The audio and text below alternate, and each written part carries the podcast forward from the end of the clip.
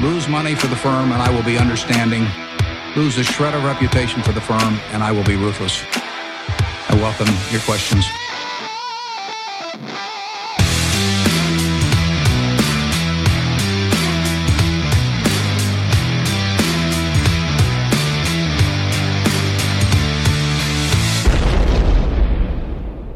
Välkomna till Kvalitetsaktiepodden. Det är jag som är Ola. Ja, och det är jag som är Klas. Det här är avsnitt nummer 36 som spelas in onsdag den 20 februari. Alltså inte på torsdagen här då. Nej, Det är ju lite sportlovsveckor och grejer så att så, så får det bli ibland. Ja, alltså idag är det ju verkligen ett historiskt avsnitt av podden Ola. Ja, jag tänkte faktiskt att eh, vi skulle ägna hela podden idag åt eh, fundera, prata en del om vart börsen kan tänkas ta vägen framöver här med tanke på de senaste månadernas våldsamma svängningar då. Ja, vi hade ju planerat helt andra grejer idag, men eh, efter gårdagens slakt, svenska kronan, följer ju fritt i stort sett. Det är ju bara på lite svaga förväntningar på inflation. Så vi känner ju att vi måste bidra med vår syn på vart börsen, ja, räntorna, ja, valutan också kanske vart det är på väg. Ja, så vad säger vi nu Rola? Nej, jag, nej, jag vet inte fan Claes. Jag, jag, jag tror ju inte på den här typen av spaningar. Alltså, vi, vi skiter i det här. Nej. Ja, ja okej, där röker den inbjudan till FM Börslunch i alla fall, det kan jag säga. Jag trodde vi hade något här Ola. Ja, vad gör vi då då? Det får bli bolag precis som vanligt. Eh, det här Ja. är alltså kvalitetsaktiepodden och vi pratar bolag. Ja, nej, men det får vi ta på studs helt enkelt då. nej, men det får vara så. Ja. Vi är ju riktigt, riktigt nervösa här idag ändå, Ola. Det är ju unikt det här avsnittet. Vi ska ju nämligen leverera vår första intervju. Ja, Ja, i poddens, eh, ja, nu är det ju inte jättelånga historia här så att. Men ändå. Och vi har ju lyckats med konststycket då att få den på engelska. Och det här är ju ett språk som ingen av oss behärskar särskilt väl i tal och skrift. Vi kanske kan läsa och lyssna. Men eh, det, det stannar väl lite grann där kan det ju kännas som. Eh, så att som tur är det ju då eh, vdn Sachi Maimon för Aspire Global som kommer stå för det mesta av pratet så att säga. och vi flikar in med, med våra kommentarer kring ef- efter intervjun där också. Så. Ja, ja, så att eh, det hoppas vi ska kunna vara intressant. Det är ett nytt bolag, Aspire Global då. Ja, Och det blir sist ut i dagens bolagsdel då. Eh, och de som inte känner börsnykomlingen Aspire Global kan med fördel gå in och titta på Börsdata, vår samarbetspartner och värdeinvesterarens bästa vän. Idag har vi egentligen inget aktuellt utan vi kommer snart hoppa in i rapportkommentarerna. Och de delar vi upp eh, i fyra stycken oss närstående traditionella bolag som ni har stött på eh, förr. Ja, det har ni gjort av de andra med, men eh, de övriga sex i alla fall är iGamingbolag. Nu snackar vi spel om pengar online. Eh, vi är ju till och från. Blir, ja, blir ett stort svep eh, på den branschen nu. är ju intressant och många pratar om den och vi tänkte också ge vår syn här på den. Mm. Två nya bolag där, så att inte bara eh, gammal skåpmat utan två Nej. bolag vi inte har pratat om förut. Ja, så det hoppas vi ska vara intressant och eh, det avslutas ju då med den här med Spy Global och den här tidigare nämnda intervjun då. Eh, du vill ändå kommentera lite runt ett bolag från förra avsnittet. Vi hade ju med New Wave och Ja. prata om dem. Ja, precis. Och eh, vi tog ju upp det här med lagret och eh, det ser ju väldigt högt ut på pappret och det är det ju. 50 över 50% av årsomsättningen i lager. Det är ju ett stort lager. Men vi har diskuterat en del det här sedan sist och även fått lite kommentarer och eh, mejlat lite faktiskt med insatta människor och eh, Många hävdar ju här då att lagret är en viktig konkurrensfördel för New Wave. Att man har ett stort lager och i, på grund av det då kan stå för snabba leveranser helt enkelt. Ja, det är uppenbarligen ganska avgörande inom det med profilkläder. Mm. Det är inte alla som har jättelång framförhållning uppenbarligen när man kommer på att nu ska vi ha någon, något roligt tryck Exakt. här. Och eh, dessutom då så är ju en stor del av de här hyggligt tidlösa kläder med inte så stor modegrad va. Mm. Så eh, man eh, kanske inte ska vara sådär jätte, jätteorolig faktiskt för lagret som vi pratade om förra veckan, utan det kan finnas skäl till att det ser ut som det gör och dessutom har ju bolaget alltid jobbat med ett väldigt högt lager. Mm. Eh, Så det här är ju liksom inget som har uppstått nu. Utan man har rattat bolaget så här och Torsten verkar ju väldigt avslappnad då inför lagret dessutom och han borde ju kunna det här. En sak till förresten som kom upp här var ju att 2008 då, 2009 där i nedgången så då jag kände att då skulle väl ett lager kunna bli liksom ett problem va. Då tog man faktiskt rejält från laget och bara betade av och sålde därifrån. Mm. Istället för att fylla på och sen kom problemen året efter sen då när man inte kunde leverera in, ut så snabbt. Eh, på grund av att lagret hade bantats ner då så att eh, då tappade man istället så att nej, jag, jag, vi får nog eh, dra ner det där lite. Eh, mm. Våran skepsis eh, angående det lagret. Ja, tyvärr har ju aktien kommit upp lite istället. Mm, så att... Mm, mm. Men fortfarande en intressant. Eh, intressant aktie som inte är särskilt högt värderad. Mm. Mm. Det var en kommentar om eh, New Wave och lagret där då. Mm. Eh, så då vill jag säga så här innan vi går vidare så vill jag påminna våra lyssnare om att aktieinvesteringar alltid innebär ett stort risktagande. Aktier kan både gå upp och ner i värde. Satsa därför aldrig kapital på aktier som du inte är beredd att förlora.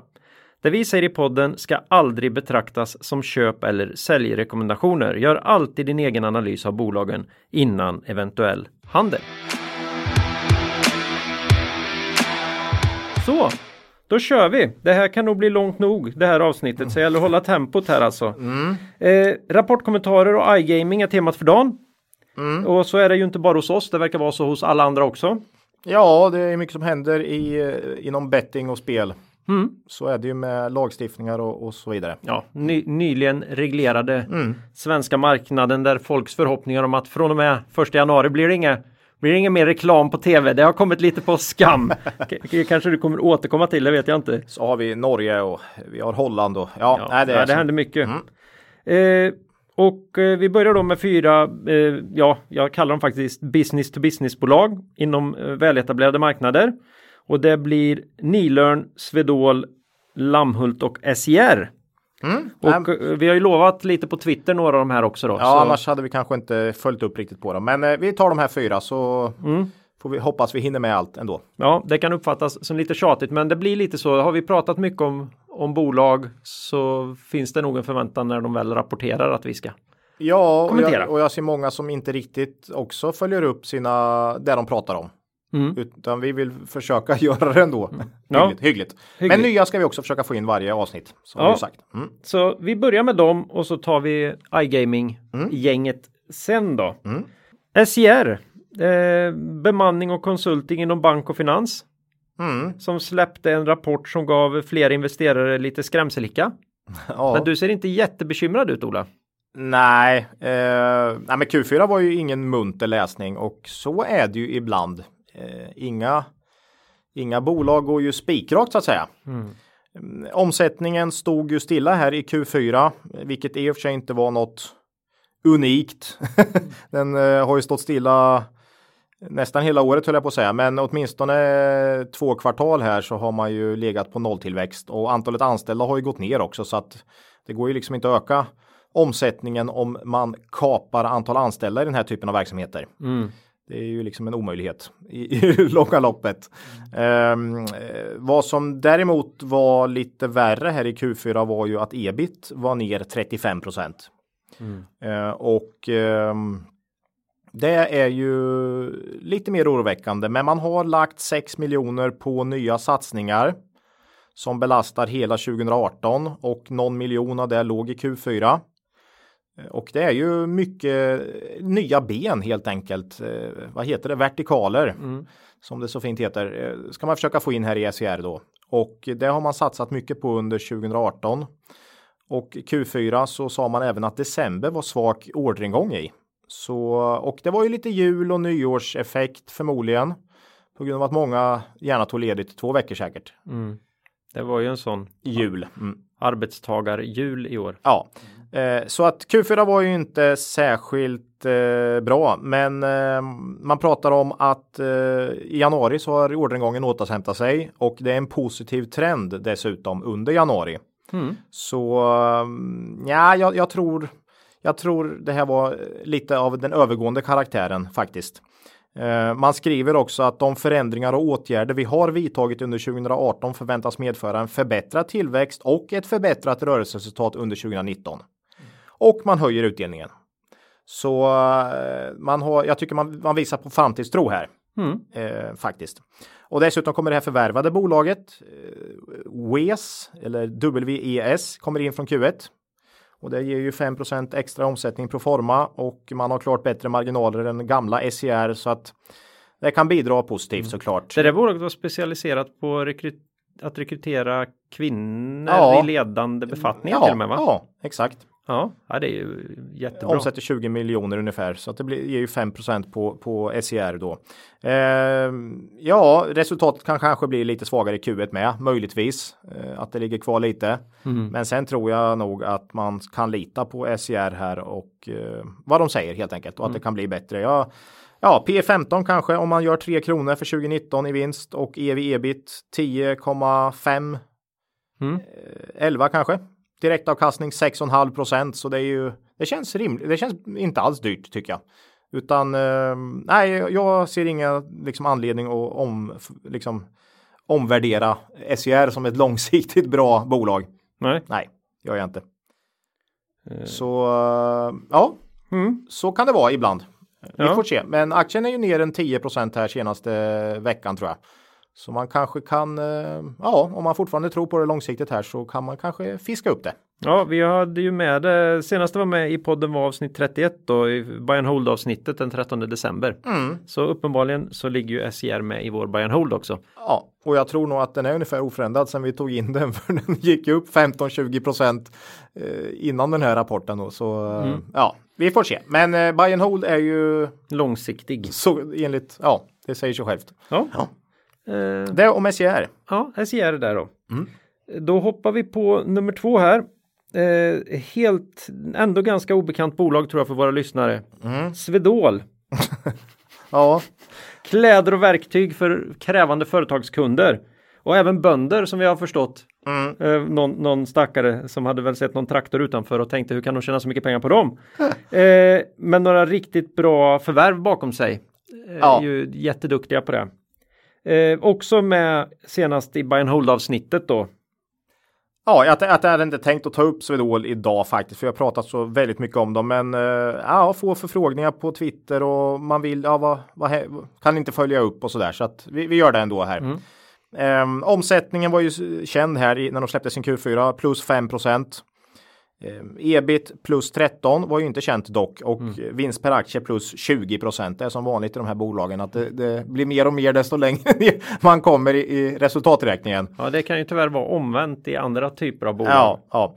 Ehm, ja, ebit var ju klart bättre än vad jag trodde och jag har sett eh, lite bedömningar från eh, Introduce och så vidare så att det låg över förväntan. Eh, aktien steg eh, på rapportdag. Bolaget fortsätter alltså överraska positivt. Ehm, efter årsskiftet här så har man offentliggjort att januari ökade försäljningen med 16,4 procent. Såklart bättre än de här 5 procenten man ökade med i Q4. Eh, lite förvärv är det här då. Nu efter årsskiftet ungefär 6 räknar jag med proforma är, har kommit in via förvärv. Och ehm, Introduce såg jag räknade med 13% omsättningsökning för hela 2009, eh, 2019. Förlåt. Så och det tycker jag känns hyggligt rimligt. Hälften från förvärv då och hälften ut, organiskt. Mm. Sen är det inte omöjligt att det kommer in mer förvärv här faktiskt, för det har man ju pratat om länge så att det, det skulle ju kunna bli ännu mer såklart då. Ja, man kämpar ju på med de här i avsaknad av det här lite större så kämpar man på med de här mindre. Mm. Och med tiden så blir det också någonting. Ja, Finland, Norge. Och då är det ju mycket butiker och så det blir enstaka eller gamla Mm. Ja. eh, väletablerade. Ja. Eh, ja, det är ju kvalitetsstämpel också att man är beredd att sälja till just Swedol då. Mm. Så eh, vi får se, men jag, jag tror väl också där någonstans eh, 13% omsättningsökning 2019 eh, om det inte kommer in något mer förvärv då. Vinst per aktie ligger introduce på 3,56 och det så tycker jag också känns rimligt. Inga, ingen marginalhöjning men bra eh, omsättningstillväxt då. Eh, P 9,7 kurs 34,50 då och eh, 9,7 tycker jag är ja, fortfarande alldeles för lågt egentligen för ett välskött bolag som växer med 15% per år historiskt och har det som finansiellt mål framåt. Så att eh, det är bara att kolla den här tabellen vi la ut här någon gång. Det, det är för lågt. Eh, man värderas dessutom 30% lägre än de mest jämförbara peers. Mm. som finns där ute, Momentum Group och Ahlsell och de här. Så uh, nej, det är konstigt när man är bäst i klassen. Jag tycker det skulle vara en premievärdering istället. Mm. Mm. Nej, men det är väl det här man, man är lite man var ju fastnagen. Nu har vi äntligen släppt de här 30 gamla bud 32 kronorna, gamla mm, budnivån då. Mm, mm. Eh, så nu kanske man kan börja värdera det här bolaget på något annat. På egna meriter. På, på egna sätt. meriter på något mm. sätt. Vi får se, men eh, ja, bra, väldigt bra Q4 från Swedol och det ser bra ut inför 2019. Så mm. kan vi säga. Ja, alltid lika trevligt. Mm. Eh, ja, Nilörngruppen då Ola. Mm. Också en sån här rackare som eh, var med alldeles nyss faktiskt. Eh, var med i avsnitt 24 eller 34 här den 24 januari. Mm. Det här vet alla som ens har varit i närheten av podden att det här är etiketter och förpackningar till klädindustrin. Mm. Eh, har faktiskt varit med sex gånger tidigare Oj, redan under näst... vår korta mm. historia. Inte som Swedol riktigt men eh, nära. Ja.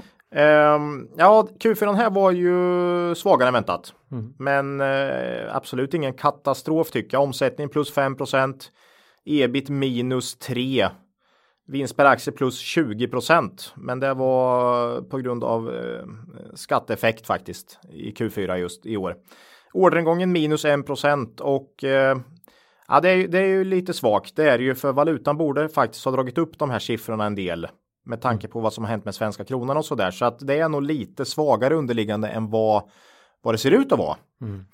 Eh, man håller utdelningen oförändrad på 4 kronor. Direktavkastning 5,5 procent och av de bolagen vi pratar om här idag så är det det är väldigt bra direktavkastningar på de flesta här. Mm. 5-6 eh, procent i många fall.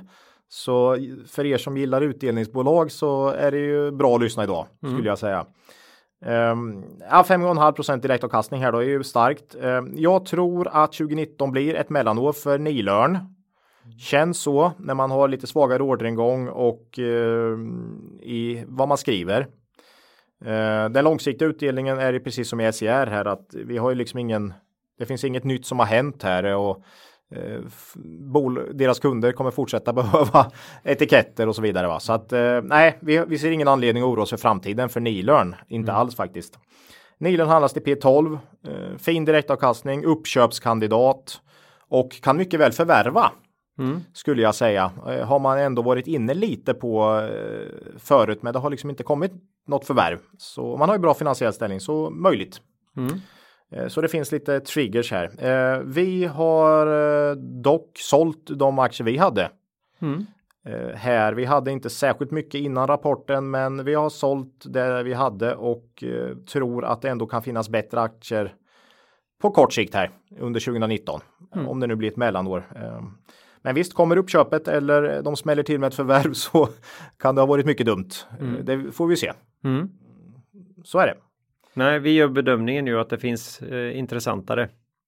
Ja, Swedol då. Ägg som där vi ute och plocka, in, mm, plocka som... in i korgen. Ja. Eh, just nu, men vi är ju fortsatt, håller ju väldigt koll. Ja, Nilen känns eh, klockrent i vår buy and hold portfölj. Eh, men eh, vi, de aktier vi hade har vi, har vi sålt. Mm. Mm.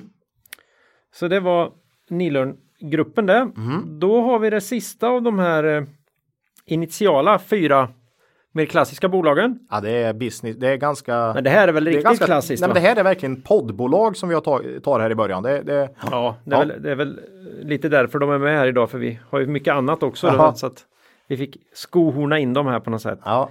Eh, Lammhults. Ja, det var länge sedan vi pratade om va? Eller... Ja, det, det skulle man kunna tro. Och det var det också. Det var alltså 31 maj Ja, nästan ett år sedan. 18. 10, 9 månader sedan. Ja. Mm. Mm. Och det här är ju skräddarsydda inredningar för offentliga miljöer och kontor. Eh, säljer ju liksom komplett, ja, kompletta inredningar till bibliotek och sådär. Mm. Ja, det här är ju det, det, här är ju ett eh, ganska okänt bolag för många lever ju en väldigt undanskymd tillvaro på small cap. Mm. Eh, osexiga produkter eh, och eh, ja, det är ett sånt här typiskt bolag som vi ofta fastnar för faktiskt. Mm.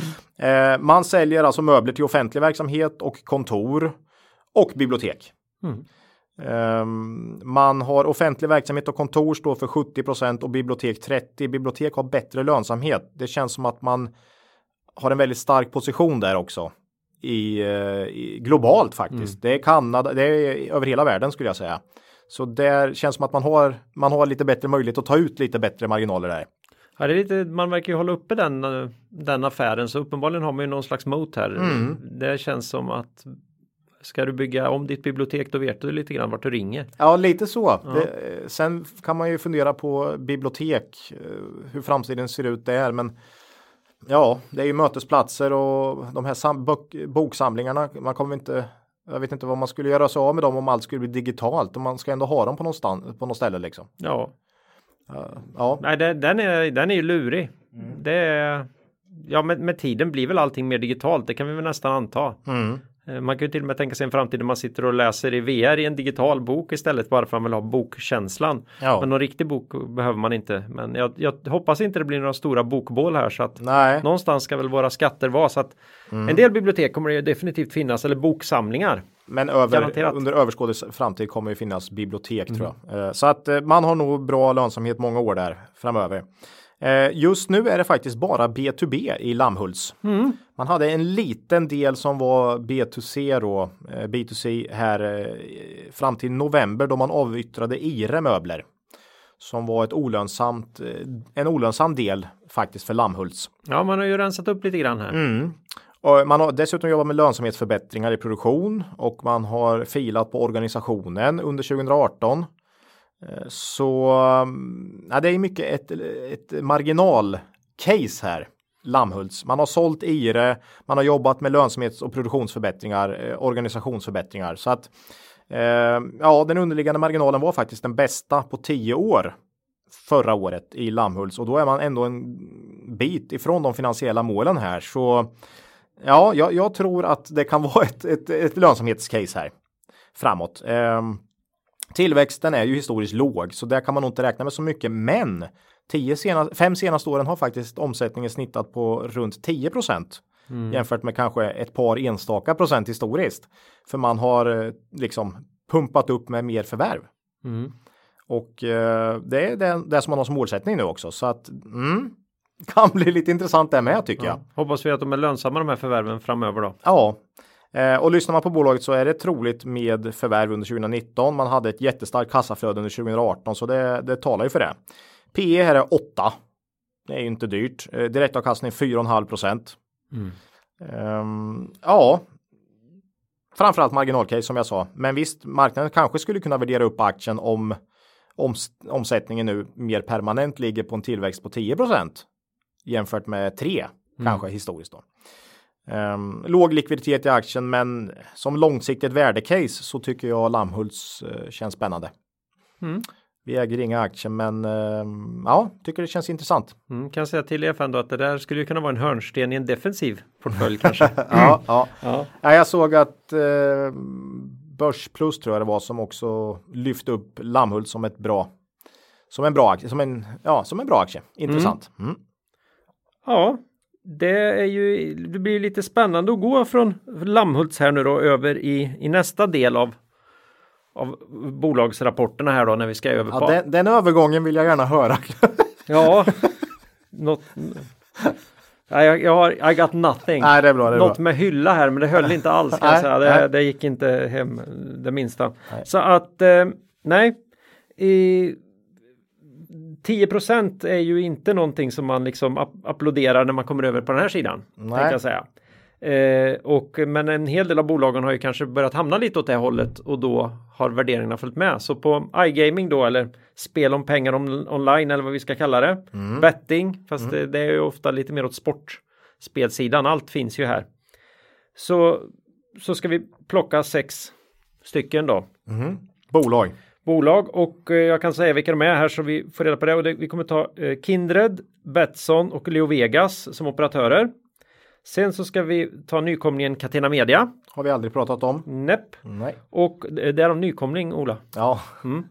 Sen NetEnt har vi definitivt pratat om tidigare.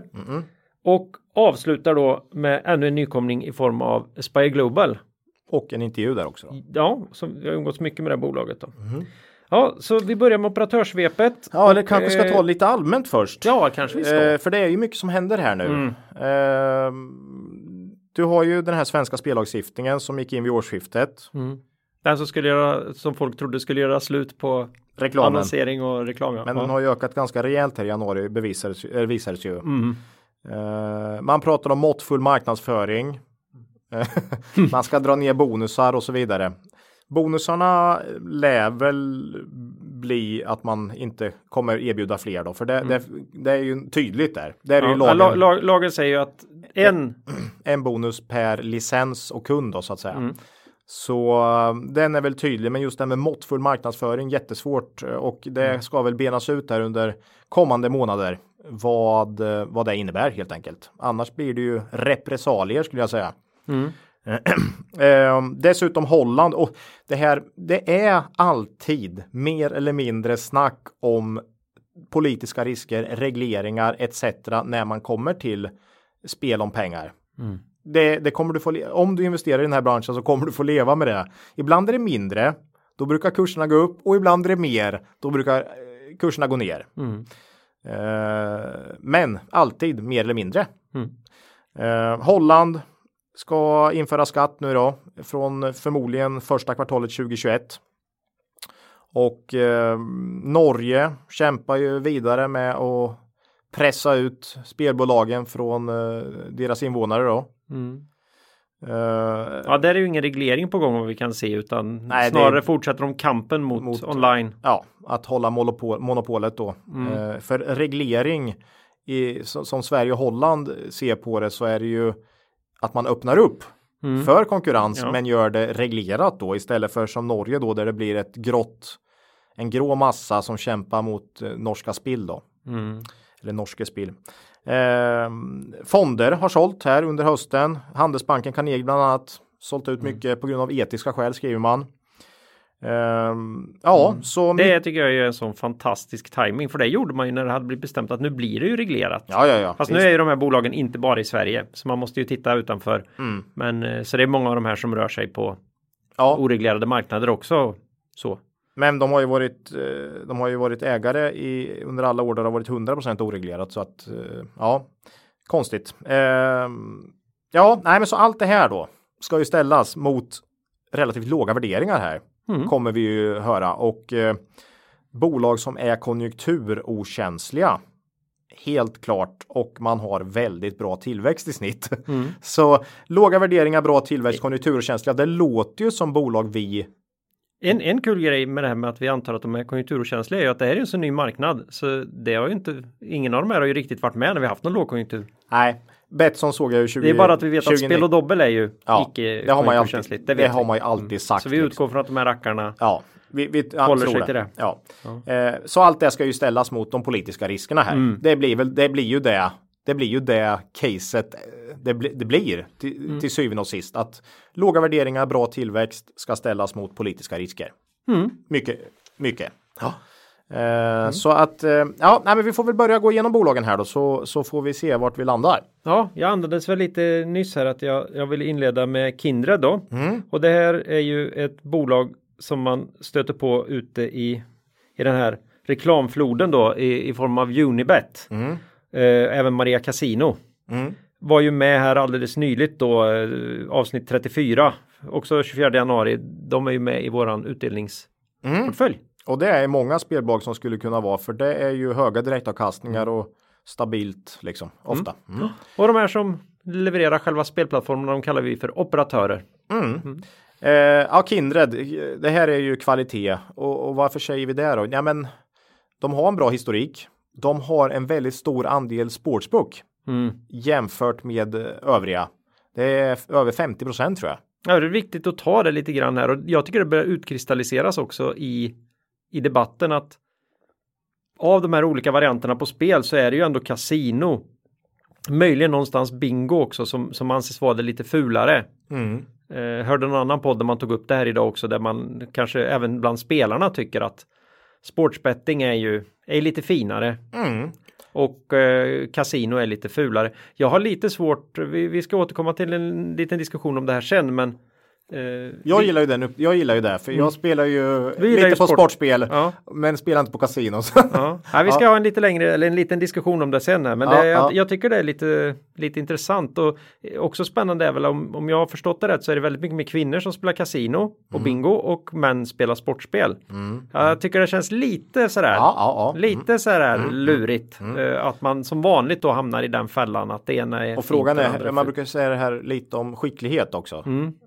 Mm. Frågan är hur mycket skicklighet det egentligen är på sportspel eller hur många som bara dammar in Mm. tusen spänn. Eller på. framförallt spelar mot bättre vetande bara för att man håller på ett lag. Ja, ja. Det måste vara drömmen Nej, jag för vet de här. inte. Men visst, Ja. du skulle kunna upparbeta en, en, en kunskap. Det kanske du inte kan på rouletten då liksom. Nej, det går ju inte. Det Nej. är helt omöjligt. Ja. Eh, Kindred, eh, kvalitet som jag sa 50 sportsbook, eh, mycket Västeuropa, eh, Storbritannien, Irland i stora marknader, eh, reglerade då. Eh, Norden 40 Mm. eh, Västeuropa 50 så där har du ju nästan hela eh, Kindred. Jag tror faktiskt man har med Holland i Västeuropa också. Eh, så mm, ja, det är mycket re- stor andel reglerade marknader här då faktiskt. Ehm, eh, Q4 var ju inte sådär jättebra tycker jag, framförallt om man jämför med 2018. Men eh, 2019 har börjat väldigt bra. Ja, du tänkte jämföra med 2017 Q4? Ja, sorry, 2017 ja, exakt. Eh, så, så var inte, men Q, Q4 2017 var brutalt starkt då. Och marknaden brydde sig inte om det. Utan man drog upp aktien på grund av att eh, 2019 har börjat väldigt bra. Spelöverskottet plus 17% i Q1 fram till och med den 10 februari. Mm.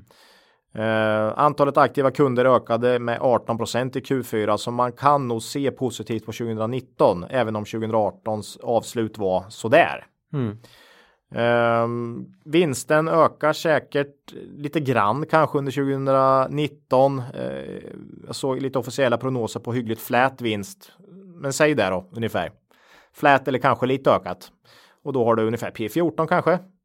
På Kindred. Direktavkastning 6 Ja, det är, det är inte så jättedyrt.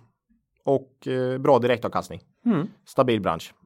Får vi se här vad inledningen i Sverige har betytt och lite sådär. Men man, eh, man eh, verkar ju som att det har gått bra här i inledningen med spelöverskott och så.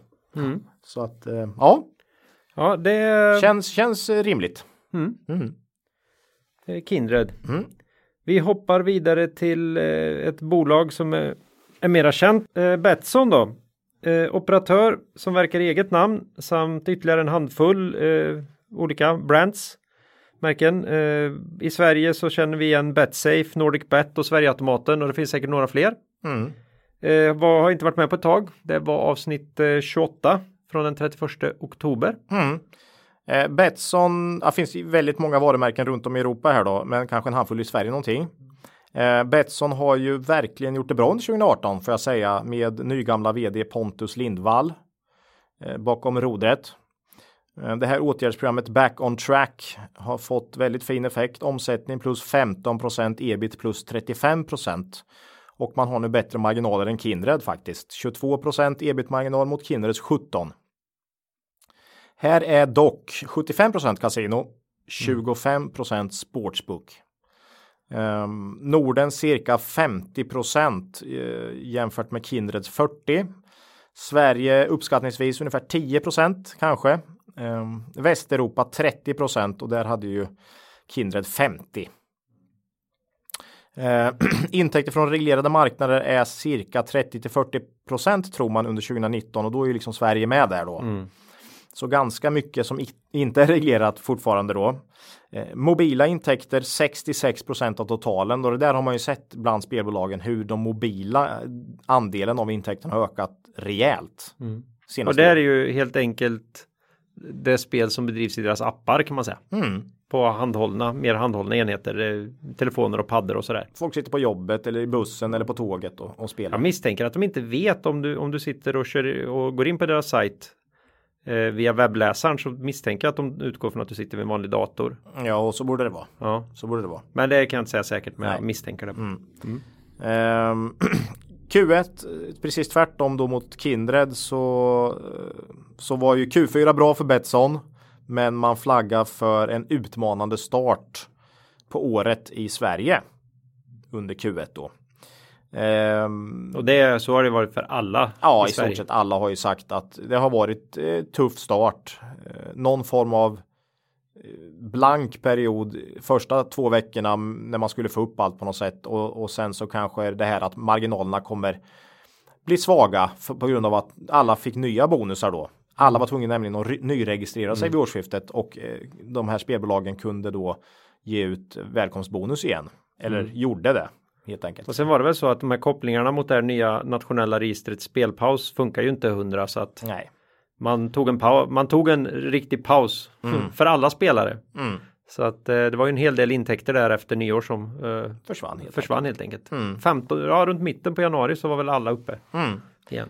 Så äh, det har varit tufft. Äh, aktien gick ju ner på den här bra rapporten mycket på grund av den här, den här framtida äh, vad man sa här om inledningen i Sverige tror jag. Eh, Holland här är ju kanske 15% eller något mm. av omsättningen och ännu mer av resultatet så att den här Hollands oron har ju också gjort att Betsson har gått ner på slutet faktiskt. Mm. Um, ja, Pontus svarar på det där i morse såg jag när man säger att dotterbolagen kommer göra vissa justeringar i sitt utbud. för att sätta sig själva i en bra position inför framtiden mm. under den här eventuella eh, period, blackout-perioden som eh, man kanske vissa kommer få då. Om man så att säga har eh, verkat utan licens innan här va, mm. mot holländska spelare. Så nej, som vanligt Pontus verkar väldigt lugn inför de här sakerna, liksom att göra vissa justeringar medans eh, analytiker som följer den här branschen tror ju att det blir totalt blankt här för Betsson i ett par år. Va? Mm. Så mm, fortfarande... Han känns lite piratpartiet ibland. Det var ju samma jo, nu senast här när eh, norrmännen förbjöd norska banker att delta i transaktioner mellan norrmän och de här Mm. Uh, spelbolagen. Då gick han ut direkt och sa att ja, det finns ju något fler betalningslösningar i världen än just de norska. ja, och Betsson var ju eh, först. De, var ju, de, de har ju lett hela den här mot, ja. mot staten i Sverige också under många mm. år och mm. öppnade ju någon spelbutik vet jag i Stockholm mm. som sen fick stängas igen. Ja, men liksom de, de har provocerat mm. hela tiden. Um, Betsson värderas uh, till P9 ungefär om uh, på den här redovisade vinsten för 2018. Mm. Eh, lite svårt att säga vart det tar vägen under 2019 men eh, det är ju klart lägre än Kindred. Det är det ju. Eh, riskerna är ju också lite större, mer kasino och lite sämre marknadsmix då kan jag tycka med mer i Holland och sådär va. Mm. Eh, direktavkastning 5,5 så nästan som Kindred. Eh, jag tror väl fortfarande det här som jag alltid har trott om Betsson att marknaden, börsen alltså, är lite för negativt inställda till Betsson eh, och att de här hoten generellt överskattas. Mm. Ja, liksom historiken visar att de här bolagen och framförallt Betsson har på något sätt lyckats um, hålla uppe intäkterna eh, lite oavsett då mm. vad som har hänt. Men 2019 blir ju ett, ett viktigt år för uh, Betsson och för branschen faktiskt för att se vad som händer här nu. Mm. Um, ja. Och den svenska regleringen ses väl som ett smakprov på andra regleringar mm. som, som ska komma. Man kan ju misstänka att ja, Finland inte reglerat än. Nej. Norge är ju inte reglerat. Alltså, det finns väl en liten risk att man skulle titta åt det svenska hållet eller det holländska hållet och sådär. Om... Men man kan ju tänka sig, eller ett scenario skulle ju kunna vara då att eh, man om något år eller två ser att nej, men intäkter och lönsamhet hålls uppe ganska bra här mm. i de här bolagen och nu är ju 80% reglerat. Mm. Vad ska man då oroa sig för? Ja, då är det i så fall att man ska höja ska... ytterligare. Ja, men, men samtidigt mycket då tror jag den här oron, osäkerheten kanske kan släppa. Mm. Och då kanske det inte är, då kanske de här bolagen kommer värderas upp helt plötsligt då. P talet alltså. Så ja. Nej, jag hoppas ju innerligt att de som bransch tar, tar krafttag mot, mot spelberoende mm. och tar sitt ansvar och jobbar med det för att Nej, men ingen vinner inte, på det. Nej, det ingen inte, vinner på det lång sikt. Det är ingen som vinner på det på lång sikt. Alltså, de tjänar pengar på vanliga Svenssons mm. som, som tycker det är kul att spela bort en mm. del för mm. förströelse. Mm. Det är den absolut bästa kunden. Några enstaka som förlorar allt och, och skäl på jobbet och lurar sina nära och kära och allt möjligt sånt där. Det är och även några enstaka som vinner sjuka belopp. Ja, ja. Så att, eh, ja de finns ju. Ja, De, slår ju åt andra hållet. Då. ja, så att, eh, de, de ska väl finnas där men Mm. ja, nej, det, det är så onödigt att man, eh, att man låter det här mm. ja, vi får se att, här. att man inte sätter stopp här. Så Ja. vi hoppas att det här ska funka. Även det här spelstopp kan ju förhoppningsvis ha en ganska bra effekt. Ja, jag, jag tror det. Jag tror det faktiskt. Många kanske klickar i det där också för att slippa eh, någon form av direktreklam då också. Eh, Ja, herregud. Så det är inte bara folk som har problem där som tror jag. Mm. Ehm, ja, det är om Betsson. Ska vi ta sista operatören här också då? Ja, eh, Leo Vegas. Mm. Eh, det är väl ett av de mest kända varumärkena såg jag någonstans inom inom iGaming i Sverige idag. Mm. Och det här är den sista arenaoperatören. Eh, de kör ju Leo Vegas som sitt varumärke. Satsar ju redan från början på spel i mobilen och har därför varit ledande där. Mm. Eh, nu börjar ju andra komma ikapp. De har ju även The Mobile Gaming Group som sin slogan. Ja, du ser. Jättelänge sedan de var med. Eh, eh, avsnitt 16. Du får gå tillbaka till 2 maj Ola. Det var senast det var sånt här väder ute. Ja, jag har väl varit måttligt intresserad av Leo Vegas senaste året. Det är väl det som är, ligger bakom det kanske. Mm. Eh, och som du säger här då, de är faktiskt starka i Sverige. De, har, syns, de ses, syns mycket i Sverige. Sverige utgör nämligen 26 procent av eh, deras omsättning. Så det är mycket mer än eh, vad Sverige utgör i Betsson och Kindred. Här har du ännu mer kasino. 90 procent kasino och 10 procent sportsbook. Mm. Eh, Så det är Betsson är mitten alternativet och Kindred mest sportsbook. Här är mobil hela 72% av eh, totalomsättningen, men det är inte så mycket mer än Betsson egentligen som hade 66 då. Men eh, de är ledaren där. Ehm, total eh, tillväxt i Q4 nu då som släpptes var 25% Organiskt och bara 7. Man har ju gjort en del förvärv här senaste åren som eh, verkar ha varit lite problematiskt att få ihop eh, lönsamhetsmässigt faktiskt. Eh, många av de här förvärven ser väldigt billiga ut på, på pappret som ja, de här iGaming-bolagen har gjort. Man värder, de värderas till ev ebit eller ev ebita 5 och sådär. Eh, så att man har gjort, man har betalat fem gånger ebitda liksom. Eller fyra kanske till och med ibland. Så att, men det har varit svårt att få in och få, få det att bli något bra faktiskt. Eh, och så har det varit för Leo Vegas med tror jag. Um, ebitda fortsätter faktiskt upp under eh, året här men ebit i stort sett oförändrad. Och vi har ju pratat mycket om det här att eh, Leo Vegas, men vi tog väl även upp Catena Media här någon gång tidigare förra året att just det är svårt att få sista raden att hänga med här. De förvärvar väldigt mycket men det, det, det eh, genererar avskrivningar längre ner i, i resultaträkningen och dessutom ett svagt finansnetto för du belånar du ju. Så att eh, ja, de har haft svårt att få eh, vinst per aktie att hänga med. eh, Leo Vegas. Man har problem i Storbritannien, helt tydligt. Och man säger att man på grund av Storbritannien skjuter sina finansiella mål från 2020 till 2021. Eh, skulle man dock uppnå de här målen så är det ju en fördubbling av intäkterna på tre år och ebitda ska öka med 150 procent. Så då har vi ju en, då har man en bra framtid i, bolag, i aktien. Det, det, så är det ju. Om man skulle uppnå det. Eh, här har vi ev ebit på 20 på redovisad vinst. Vilket är väldigt högt då. Mm. Eh, men man borde kunna se en ganska rejäl vinstökning i Leo under framförallt andra hälften av 2019 med tanke på alla de här eh, problemen man hade nu under sista halvåret 2018 och, eh, och så va. Så jag tror EV ebit är klart lägre faktiskt om man kollar på 2019 än, än vad det är på historisk vinst helt enkelt.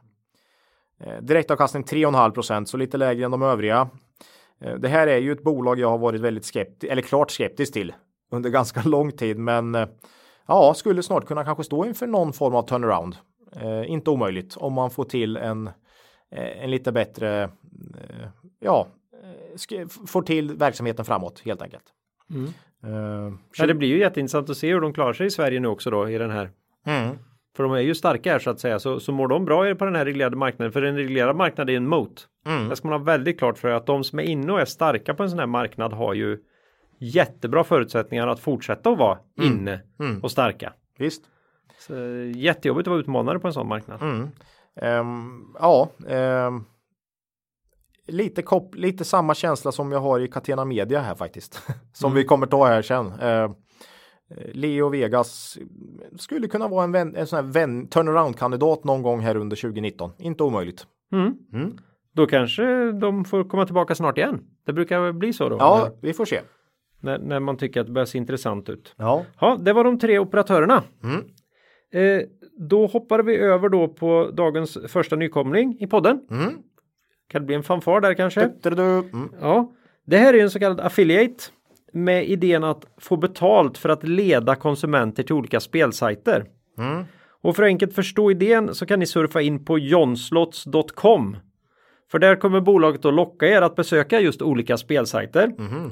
Och gör ni det och börjar spela där, då får Catena betalt. Och troligen då så får de lite grann när ni gör er första deposit. Det räcker inte bara att ni åker dit och liksom surfar dit och skaffar konto utan ni måste sätta in pengar. Då, då, då klirrar det nog förmodligen till lite grann hos Catena. Men det bästa är ju sen när ni förlorar massa pengar till den här spelsajten. För då får de förmodligen en andel, en så kallad RevShare här då. Av vinsten då? Ja, mm. och det här är ju ett system som funkar i alla fall med den här initiala deposit-tänket eller vinst, någon slags vinstdelning. Det funkar ju på det mesta online. Mm. Och här har man ju då försökt bygga ut med en ny vertikal som man säger inom finans också. Mm. På senare tid och det kan tänkas finnas helt klart andra mm. vertikaler inom handel online och sådär. Mm. Precis. Eh, ja, som jag sa, lite samma känsla i Catena Media här då. Vi, vi, vi pratar ju eh, i någon podd här, jag tror det var en podd i höstas när vi tog upp Mr Green som våran våran favoritbolag där i sektorn eh, så pratar vi om att vi inte riktigt gillar bolag med ebitda-mål där vinst per aktie liksom aldrig hänger med. Mm. man, eh, man, man visar på hur bra mm, ebita ökar men eh, på sista raden händer det liksom ingenting. Och jag tror vi faktiskt tog upp Catena Media som det värsta exemplet där. Mm. Om jag kommer ihåg rätt. Och, och Um, den här aktien har ju gått sämst av alla de här noterade spelbolagen under inledningen av 2019 minus 30 procent då. Uh, och det är ju inte på en hel svag börs direkt heller. Nej, det är ju liksom 40-50 procent jämfört med börsen då. Mm. Så att den har ju gått riktigt uselt då. Tillväxttakten har bromsat in i Catena. Man har ju faktiskt från och med Q3 här börjat svänga då och säga att man ska dra ner på den här förvärvsdrivna tillväxten och mer gå mot organisk tillväxt. Mm. Um, och den organiska tillväxten Q4 var 11% vilket ska jämföras med total tillväxt då på 36% För helåret ökade omsättningen med över 50% i Catena Media. Så det är ju skillnad. 10% organiskt, 50% totalt. Uh, faktiskt. Så Ja, lite svårt att se vad, liksom, vad kommer hända här nu med bolaget när man svänger om mot mer organisk tillväxt. Man um, gjorde väl heller inga förvärv i sista nej, eller väldigt egentligen. lite i alla fall. Man har verkligen börjat ja, visa att man menar det här helt, också. Helt tydligt. Ebitda ökade fortfarande i Q4 då med 17 procent. Mm. Uh, lägre än omsättningstillväxten. Men ändå hyggligt. Ebit bara 7 procent då. Mm. Och det ju, visar ju lite på det här problemet då liksom att, eh, att utdelning, äh, avskrivningarna tar bort mycket Mm. helt enkelt.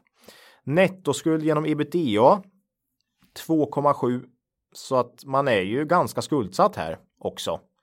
Eh, tog inte upp det på de andra men balansräkningen är ju stark i Kindred och Betsson och inte sådär jättestark i Leo Vegas. Mm. Men här är det också ganska svag balansräkning. Eh, jag tycker att allt det här talar och talar för att det känns, det känns väldigt bra att man svängt mot organisk här. Det kommer innebära lägre tillväxt framöver såklart. Mm. Och det är frågan vad marknaden då tycker om P talet liksom.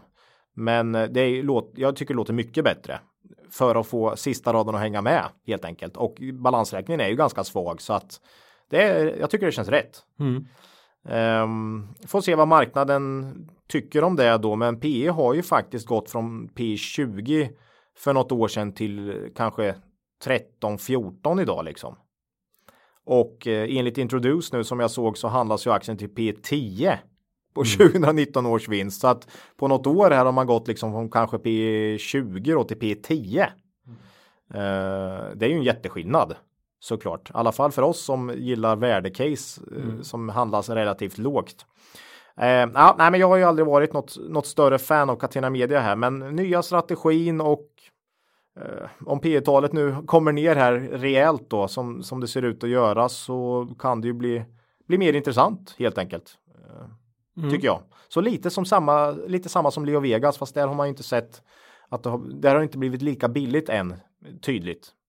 Mm. Catena Media värderas ju relativt lågt nu faktiskt helt plötsligt. Ja, mm. det blir intressant att se hur den här nya den här eh, nya organiska approachen håller nu då. Man, man vill ju ha, fortsätta det här erövringståget i USA garanterat. Mm.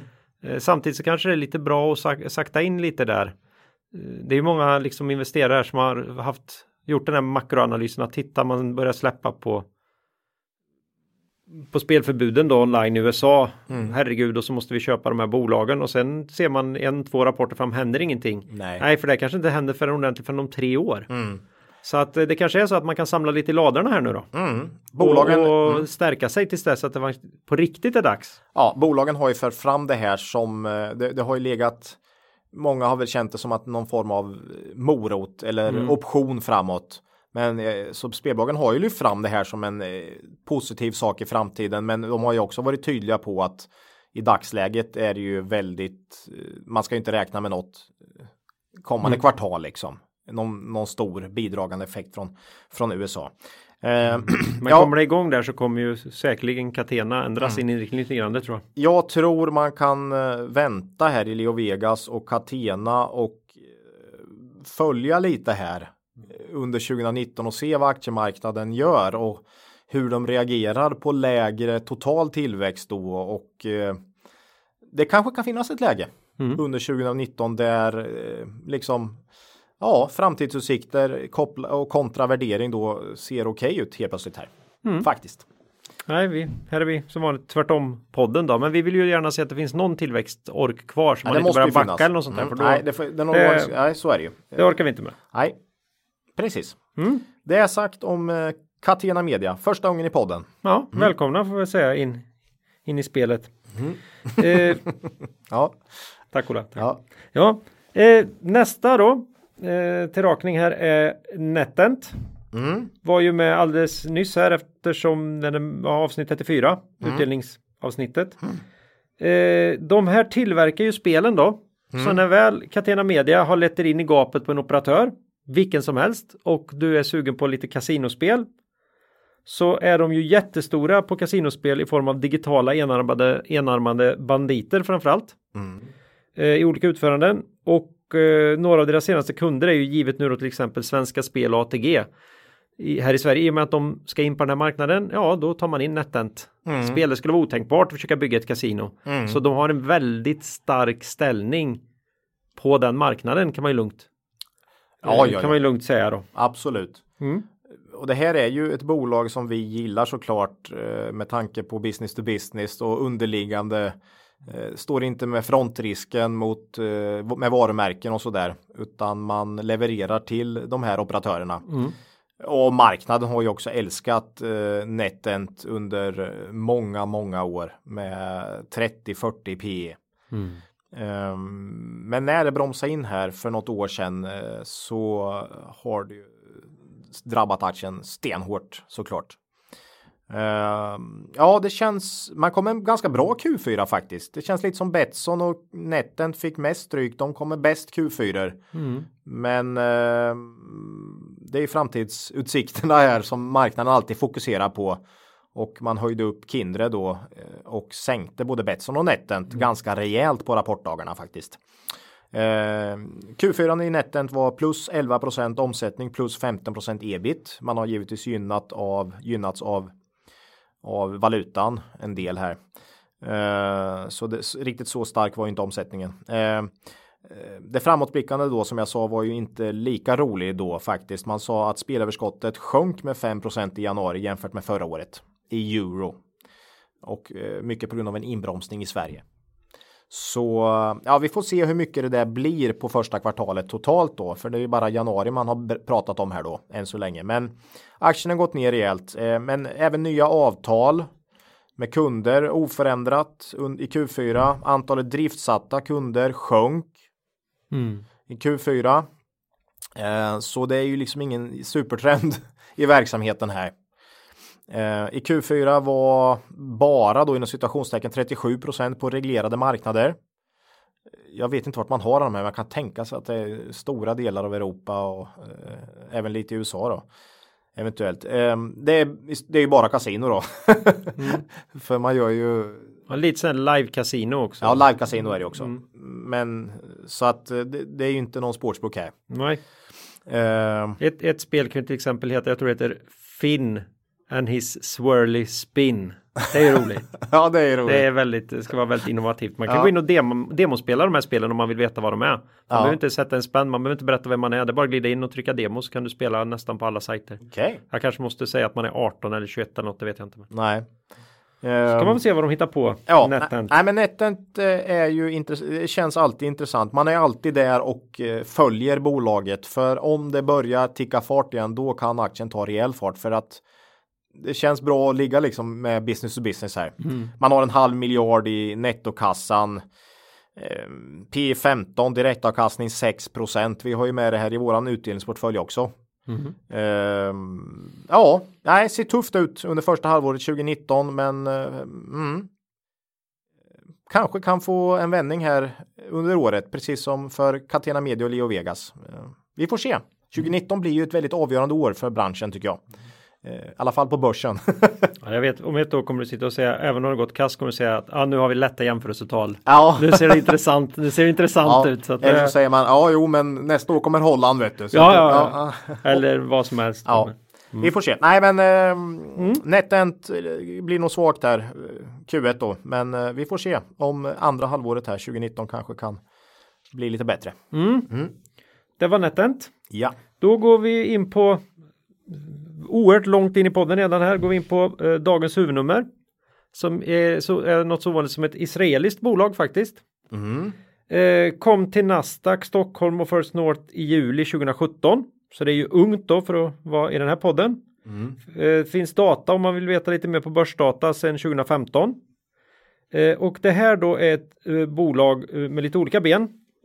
Men man är ju delvis operatör, alltså B2C, Business to Consumer. Och där har man en egen sajt som man äger helt och hållet som heter Karamba. Och sen har man eh, några del, är man delägare, minoritetsägare faktiskt, det är några sajter varav en av de större är Mr Play och den finns väl också på den svenska, finns på svenska, så ligger på nätet. Eh, och det här eh, benet riktar sig direkt till konsumenter då och är lite mindre än hälften av omsättningen skulle jag säga idag. Mm. Eh, det är ju ganska litet bolag fortfarande. Eh, och det intressantaste benet för oss då, som alltid, är ju att man har ett business to business ben här då. Och det här är ju ytterligare en sån här eh... Ja, det blir lite gungor och karuseller också. Här. Ja. Man, har, man har flera och, saker att luta sig mot. Mm. Och det är ytterligare en sån här variant då som finns på, på den här marknaden. Och de är leverantör av nyckelfärdiga spelplattformar till andra operatörer som vill slippa all teknik och bara kunna satsa på varumärke och marknadsföring och sådär. Jag, jag som gillar tennis kan göra en sån här tenniskasino kanske. Ja, mm. det finns ju några. Nu vet jag inte vilka som ligger just på uh, Spy Global, men det finns väl en som har, blivit, som har gått jättebra som heter typ Metal Casino eller något sånt där. Är det deras? Nej, det vet jag inte Nej, riktigt, okay. men det är en typisk ja, sån. Ja, jag lovar, jag kan säga att Metal Casino inte har en egen Nej. en egen spelplattform utan de hyr in sig. De har, det finns ett antal mm. eh, eh peers här eller bransch, branschkollegor varav uh, GIG Global Innovation Group är väl en av de mer. Mm, Gaming Innovation. Gaming, ja. Mm. Nu tänkte jag, Global Glo Gaming, ja. ja. Något helt annat, glöm det. Det är Ninja Casino. Mm. Nej. Uh, gaming Innovation Group mm. är ju en uh, en peer här då kan man mm, säga. Mm. Men det här, det som uh, uh, Aspire Global säljer är liksom en, vi, vi tar hand om precis allt, inklusive licensen på på reglerade marknader och det kallas White Label. Mm. Det enda du gör Sätt, som skriv, spelbolag Skriv är... vad du vill, du får en vit label, ja. där får du sätta upp ditt eget varumärke. Och det din... enda du gör är att marknadsföra sen själv. Ja, och hitta på något trevligt då som folk tycker om. Mm. Eftersom sen är ju allting likadant på alla de här sajterna i stort sett. Mm. Eh, de har idag strax över 30 samarbetspartners på sin plattform mm. och har blivit mer och mer picky med vilka som får vara med. Och eh, nu vet jag inte exakt men över 60 olika varumärken och det är ju utgörs av olika spelsajter då. Mm. Eh, de har en spännande verksamhet med egen spelut spelutveckling också. Eh, och där har man ett stort antal titlar men här känner jag att det är lite hemligt. Och han kommer säga det också i den här intervjun sen. Eh, Sachi att eh, ja, det, det, är väl något de får jobba lite mer på kan man säga. Mm. Eh, men via kontakter där så fick vi chansen att träffa då CEO eh, Sachi Maimon eh, direkt efter att han förra torsdagen hade presenterat rapporten för Q4. Mm. Kanon. Ja, vi tänkte nu köra intervjun och efter den pratar vi lite mer om rapporten och vår syn på bolaget. Mm. Och för er som inte känner att intervjuer på engelska är, är någonting som ni uppskattar så jättemycket så är den här intervjun ungefär 20 minuter lång. Så kan ni fundera på vad ni ska göra med den Ja. informationen så att säga. Mm. Ja, så rundar vi av det här efter sen då. Ja, rulla bandet. With us today, we have uh, Sashi Maimon, uh, CEO at Aspire Global. Welcome. Hi. Hi. Welcome. Thank you very much. Thank you for having me. To start off with, who is uh, Sashi Maimon? it's it's a good question for the start. I'm Israeli, married with two, um, that uh, uh, living in Malta for the last six years, and uh, have the passion to do what I'm doing. Uh, you know, when when people uh, ask me, tell us something unique about yourself, so I all the time take my uh, past as a tennis player. Uh, so yes, I'm very competitive in because of my history as a tennis player. I'm a big tennis fan myself, actually, and Mhm. watch uh, a lot of tennis and have played a lot as well. Not on Really? high level, but how good are you? Uh, are you ATP uh, level or? Maybe we should do this interview in the tennis court. Um, but yes, when I was young, I was uh, in the ITF, which is for the yeah, youngs. yeah. So I was ranked pretty nice, Oh my god. and also at some points in the ATP when I was 17, 18. Okay. Yeah. But Im- not cool. Stefan Edberg. no, no, but- no, no, no, no. But impressive. So uh, we have to congratulate you on uh, the great uh, 2018. Uh, could you please tell us uh, what was the main drivers uh, behind the good development for the company this year and the last quarter? Um, there are several things that we did in uh, 2018. Um, one of them in our B2C arm, in our own proprietary brands, uh, we managed to uh, have a dedicated team to manage only the B2C because previously we had everybody doing everything. So we appointed a managing director to wake up in the morning and to do only one thing, taking care of the B2C. So this is one trigger for the B2C success.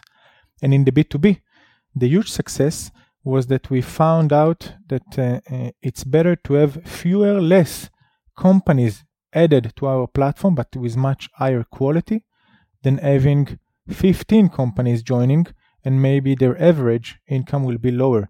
So we are uh, hiring the bar for companies uh, to joining the platform, and I, I'm happy that it, it was successful uh, throughout 2018.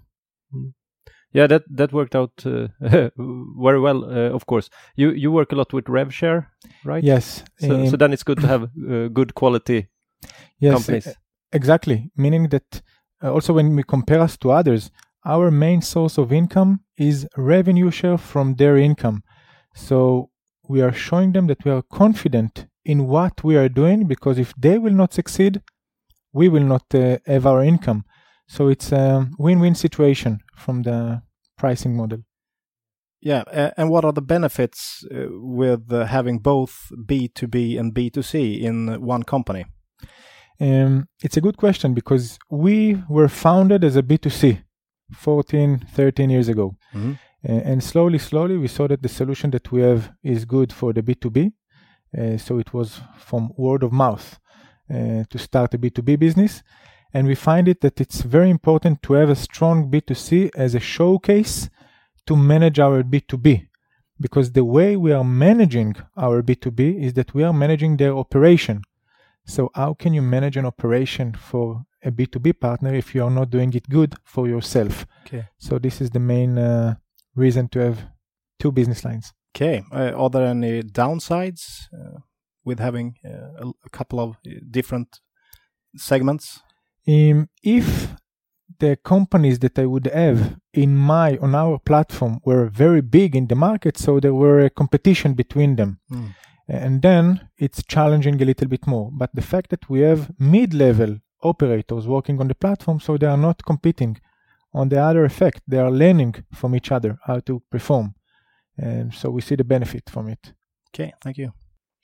Uh, today, these uh, segments are equally big. Hmm Uh, the business to business business grew a little bit more last Mhm. year, I think, but they are we can say they are equally big. Is this important for you? You is it is that important that they are equally big, or if not, which one of them would you prefer to develop or grow? Um, we are intending to focus on those two business lines to grow.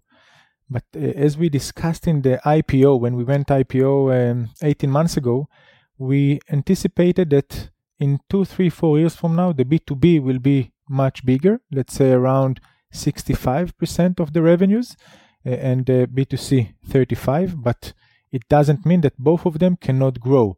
But we expect the volumes in the B2B to be higher, but the B2C will continue grow. It's a focused uh, business line. Yeah, we saw that in the last quarter, 50% growth in B2C and Exactly. 80, And 80 90 in B2B. Exactly, exactly. Very Yes. good. Hmm Uh, so uh, that people uh, normally know know about, I think. But you actually you have a third segment, kind of the game development. Uh, and and is this mainly way for you to get better margins on the other segments, or are you targeting NetEnt as the next big developer? Um, it's a good question. We are calling it uh, our Eden asset in our uh, presentations uh, because it's not new to us. We are developing games uh, from day one when we founded the company, uh, and we have more than 200 games already, much more than uh, most of the game developers uh, out there. But we are not focusing of, on distributing them outside. Um, it's true, it's uh, important for our margins to keep them in the network, but we are aiming in the future, in the coming future, to distribute them outside. Um, not to compete NetEnt, you know, there I'm respecting NetEnt. Uh, we have a long way to go until we can compete them, but yes, we will create a business line through this uh, segment.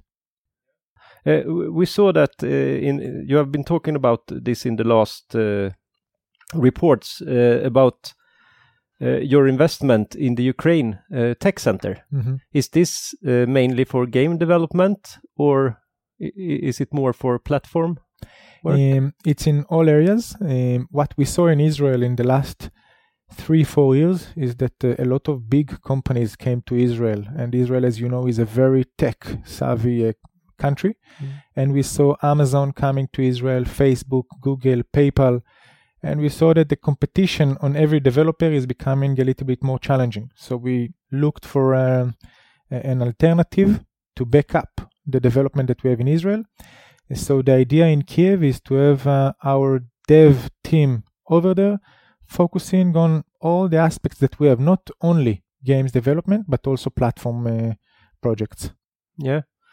Uh, that's uh, that's really interesting. Uh, a lot of good tech companies have uh, development in Ukraine these days. Yes, you get good developers for uh, good money. I um, think. you know it. It was maybe uh, good money two, three, four years ago. Now it's just good developers. Now it's just good developers, um, and because it's it's a huge community of Yeah. developers. But uh, money is not the trigger, not at all. Um pity, but this is the the situation. Yeah, yeah. Yeah, we saw that you have new management also over there. Uh, Siv, is it? Yes, Ziv is uh, the new CTO. Um, he came to us uh, uh, after uh, serving uh, SafeCharge. SafeCharge is uh, one of the biggest payment solutions uh, in the online. Uh, so he was the CTO of the group, and we succeeded uh, attracting him to move to us.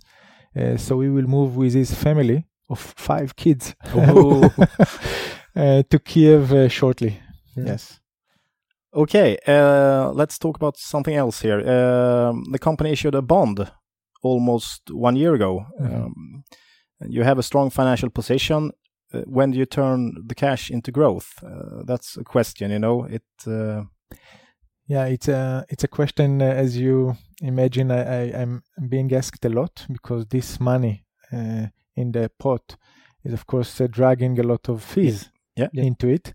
Um, but I must say that uh, as a company that thinks a lot before doing any big action, we want to make sure that any acquisition that we will do will check all the boxes. And uh, it's true that sometimes you need to be brave and do an acquisition, even if it's not perfect. But uh, what we see in the gaming sector is uh, the majority of the M&As were not successful. Mm. You know, when you see the long term Yeah, after a year or 2 So we want to make sure that the M&As that we will do will check the boxes. Um, there are, as you can imagine, a lot of companies on our table uh, to analyze, to check. Even if, uh, even in our uh, current report that we released today, there is a, a big amount of uh, uh, legal cost in the report. As you can understand, it's also due to some of the due diligence that we are doing. Yeah, of course. Uh, some of them will be finalized, some of them will not be finalized if we think that it will not tick. Um, so we are working hard to make a very good M&A, but not yet. Not yet. Yeah. Uh, what kind of businesses are you targeting? Um, operators, platform providers, or maybe game developers, or something else? Two main, you know, we want to focus also on the M&A. So it's two main uh, targets that uh, types of targets that we're looking at. One is operators, of course, to acquire an operator, and when we will move it to our platform, so the cost synergies will affect from day one. Uh, so this is one type of um, target, and the second type is games developer that already an aggregator and can distribute in a second the games that we have. So uh, these are the two main uh, types that we are looking at. Interesting. Uh, I, I've been curious for a while. Would it be even possible for you to to buy another platform provider? Um, yeah, it's a good point because we are thinking, let's say, if one of the types is to buy a competitor. So if we will do that, we will need to make sure that the contracts and the agreements of the operators already operating on this platform have the enough time to experience the move to us and not live in the way. Um, so we are looking into it, but it's not a focus Yeah. because usually a platform um, have a a lot of operators, not necessarily big ones, and then the operation of migrating them, it's uh, something that you are not doing in one month. so it's a long process. So it needs to be very attractive in order to do it, but it's not in our focus. So, uh, what are your thoughts, if you have any, about the regula- newly regulated Swedish market? Of course, our listeners wonder how how you look at that. Or, or maybe other uh, regulated markets and uh, markets turning into regulation. Uh, Yes. So there are two mainly uh, that are turning into regulation. Uh, uh, one already turned, which is the Swedish, and the other one is uh, Netherlands. So we will wait for the Netherlands to be. So when I'm talking about uh, the Swedish market, I'm happy that it's regulated because Aspire in our uh, uh, market share in Sweden is not high. So for us to have the ability to work in a regulatory environment and use our expertise and our partners, the B2B operators, expertise in marketing, it's a great achievement. So we believe that our position in Sweden, where we are not having any big market share, we are coming like from a flat position and only can go up. So we expect after we will finalize some uh, product improvement spe- specifically for the Swedish market, we believe that it will be a growing market for Aspire in the coming years. And we love it in regulated markets. Google is open for players, Facebook is uh, open for players, and those are channels that we are very strong at, us and uh, our partners. So, so you really like uh, regulated markets, uh, and that's of course a big strength. Uh, but but you you have a lot of how to say not today you have as much small uh, medium brands. You said you focus on the the ones that uh, get big. But do you see uh, a problem with your B two B businesses surviving in the regulated market? When will there be a consolidation spree now? How how do you look see to see that? and any consolidation that we see, and also we can go back and see from the history, was on a bigger scale of M&A. You didn't see Betson buying a medium-sized company; they are buying big companies, and also Leo Vegas and others. So the companies that we are serving are not on a scale that will change the life of those big operators M&A. This is one thing. And second, in a regulated market, what we realize that in the way we are operating and serving, because we have a platform and serving also additional services. So we are probably one of the only ways for these medium sized operators to survive in a regulated environment. So this is our key in a regulated environment to be the only house for mid level operators to succeed because they don't need to manage any operations. It can be a team of two people, 10 people, 15, because we are doing the operation for them. They are focusing on marketing, and that's all. We are doing the rest. So we can scale without uh, any cost for them.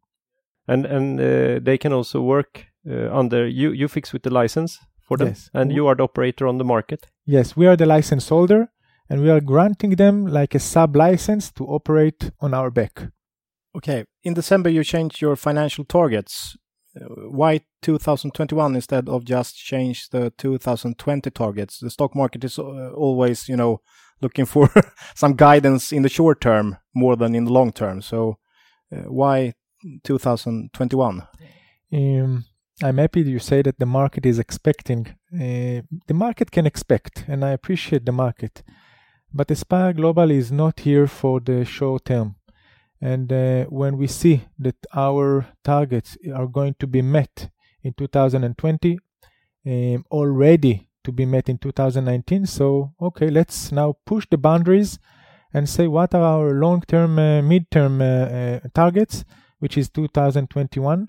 Uh, this is why we moved it and make it even bigger because it's already being uh, will be met this year. Uh, so this is the reason. It's a long-term company, not a short-term one. Good answer. Good answer. I believe you started out uh, with casino, and uh, one year ago, uh, almost just in time for the World Cup, Yes. you started the sportsbook Yes. uh, part, and uh, a few months ago you added bingo. Yes. So, are there any more verticals to add, or are you happy for, for now? Or Um, I'm happy you're raising this point because uh, the one thing that is uh, uh, important in Aspire Global or to understand the dynamic in the company is that we are a focused company. We don't want to spread on too many verticals, too many markets, and to open as much as possible in one time. So, also here with the verticals, we are happy with the sport. It's contributing a lot to 2018. At the end of the year, we launched the bingo. We want to give them the ability to uh, scale, to roll it out to more and more operators, and of course, uh, more verticals in the future. But right now, we will not add any additional vertical in the coming uh, year. uh, what uh, what other big vert- verticals are there? I don't. Uh, are there lottery verticals? Maybe. Two main big uh, one is the lottery, and the other one is uh, poker, Yeah, but it's very course. declining. Um, and uh, we are not, uh, of course, esport is developing, but it's early days for esport. So for now, when we look on regulated markets, we understand that the biggest verticals are casino, sport, and bingo, especially for the markets that we are operating. Didn't know bingo was big outside of Sweden actually, but bingo is well known. In the UK, bingo is the uh, trigger Okay. for growth in casino. Bingo is very big in the- Okay. the UK. Yes. Did, didn't know that. yes. Why the Swedish stock market? I think you have had that question before, but uh, Yeah, um, we when, when we decided that we want to um, list the company, we had two uh, stock exchange uh, uh, to consider. One is the AIM in London, and uh, one is the Stockholm Stock Exchange. And uh, after very short analysis of what is happening in uh, London, it was on the Brexit time by mm, the way. mm. So we saw that also the size of the stock is too big for Aspire Global. We will be lost with all the stocks over there. And we are feeling very confident with the stock here in Sweden. Also, the market investment, the investors are familiar with the gaming. We are not the first one here. And so I think there are 15 or 20 companies that are listed. So the investors, when they ask questions, they know what they're talking about. The questions are in a very high uh, level. So I'm very happy to be here. Um, and it's, uh, you know, when, when we answer investment, we know that they understand what we are talking about. So for us uh, to be here, it's a contribution You're- You're very welcome. Thank you. Yeah. Uh, anything else you want to share with our listeners now that you have uh, their ear? Um, I think that the Spire Global is not familiar yet in uh, uh, in Sweden, and of course, it's like a hub. It's a, it's a platform that allow companies to work. Uh, so we are building our brand here in uh, Sweden as well, and uh, I'm happy that the performance and the results of the company are um, giving the attention um, in the stock and also through the forums that we see. So, so far, uh, we believe that it was a very good decision to come to Sweden, and uh, every time I'm enjoying it very much. And to tell you something funny, every time that we come to uh, Sweden, even if it's in the middle of the winter, there is a nice welcome weather without raining like today. So, uh, yeah. Okay, uh, thank you for this interview, and we wish you good luck in the future. Hope to see you again, maybe next year. Thank you very much for having me. Thank you. Thank, Thank you. you. Thank you. Ha, är det nu Ola som vi ska be våra gamla engelska lärare om ursäkt? Som man säger i dejtingsfären, det är inte ja, ni, det, det, är vi. Ja, du sa ju att du du, du pratar din, din, din ganska svaga eng, engelska dialekt för att du inte vill göra våra lyssnare generade över ditt eh, fina uttal va? Nej. Stämde inte det Claes? Ja men det måste de ju förstå. De har ju hört mig köra alla de här citaten tidigare så de vet ju att det finns ju liksom guld. guld ju, i den strupen ja, va? Herregud. ja, nej, det, det, är det, som, det är som talang när det kommer upp någon sångfågel som är ja. helt okänd. Ja. ja, nej det kan jag säga. Det trodde man när man började med podden att det skulle vara jobbigt att lyssna på sig själv. Det har gått ganska bra. Mm. Men, men det här var jobbigt att klippa. Mm. Ah, ja. Men jag tror att vi kom undan på något sätt eftersom det då Du kom är... undan med heden i behåll menar du? Ja, mm. ja men det är ändå mm. Sachi som pratar absolut mest här. Det får bli, nästa intervju får bli på svenska. Ja, vi, vi får försöka få till det. Men det var kul. Mm. Vi hade ja, jättekul. Jättekul då. Så att, eh, och innan vi sätter klorna i bolaget här nu då, vill jag vara tydlig med att jag numera äger lite aktier. Ja, du har köpt, du har köpt en liten, liten, liten post. Ja, det är inte speciellt mycket, men Ja, nej men det kan väl hända det här. Jag gillar verkligen det jag har sett här. Mm. Eh, och eh, tyckte att nej, det här, det här vill jag vara del i. Var del i. Mm. Får vi se vart det, vart det tar vägen. Men vad säger du Ola om det här? Eh, ja, eh, jag visste inte mycket om Spy Global för eh, ett kvartal sedan. Mm. Det kan jag säga, men har väl följt bolaget lite här och eh, nu har man ju blivit påläst senaste veckorna då, med tanke på intervju och allt. Eh, Q4 här var ju brutalt bra då. Eh, när man jämför med de övriga vi har pratat om här så är det ju alltså 72% omsättningsökning. Ebit plus 74 eh, First time depositors plus 82 Mm. Eh, så ja, Eh, starkt, oerhört starkt Q4 och eh, vinst per aktie under 2018 steg 60 ungefär så vinst per aktie har ju hängt med får man säga bra. Eh, något har ju hänt här under året. Q2 var det ju något som hände helt tydligt och omsättningen bara drog iväg. Och vi tror ju att det var Sportsbook-tåget där mm. inför eh, fotbolls-VM då. Som man lanserade till sina kunder och på sina egna sajter då mm. antar jag. Eh, för det är ju ett tydligt ja. hopp där. Ja, man började ju med det här under, ja, för ungefär exakt ett år sedan och, och började få det på plats. Men det var ju, det var ju tydligt att man ville ha det verkligen up and running då till, ja, till fotbolls-VM så att säga. Bra timing. Mm. Uh, och mycket av intäkterna kommer ju fortfarande på den, på den egna, mm. på de mm. egna sajterna. Uh, Q4 var ju också ett sånt här rejält tillväxthopp mm. uh, uppåt och Vet inte riktigt vad som ligger bakom det, men eh, bättre gal fick man ju in som kund. Skulle kunna vara något. Det är mm. väl ganska stort bolag.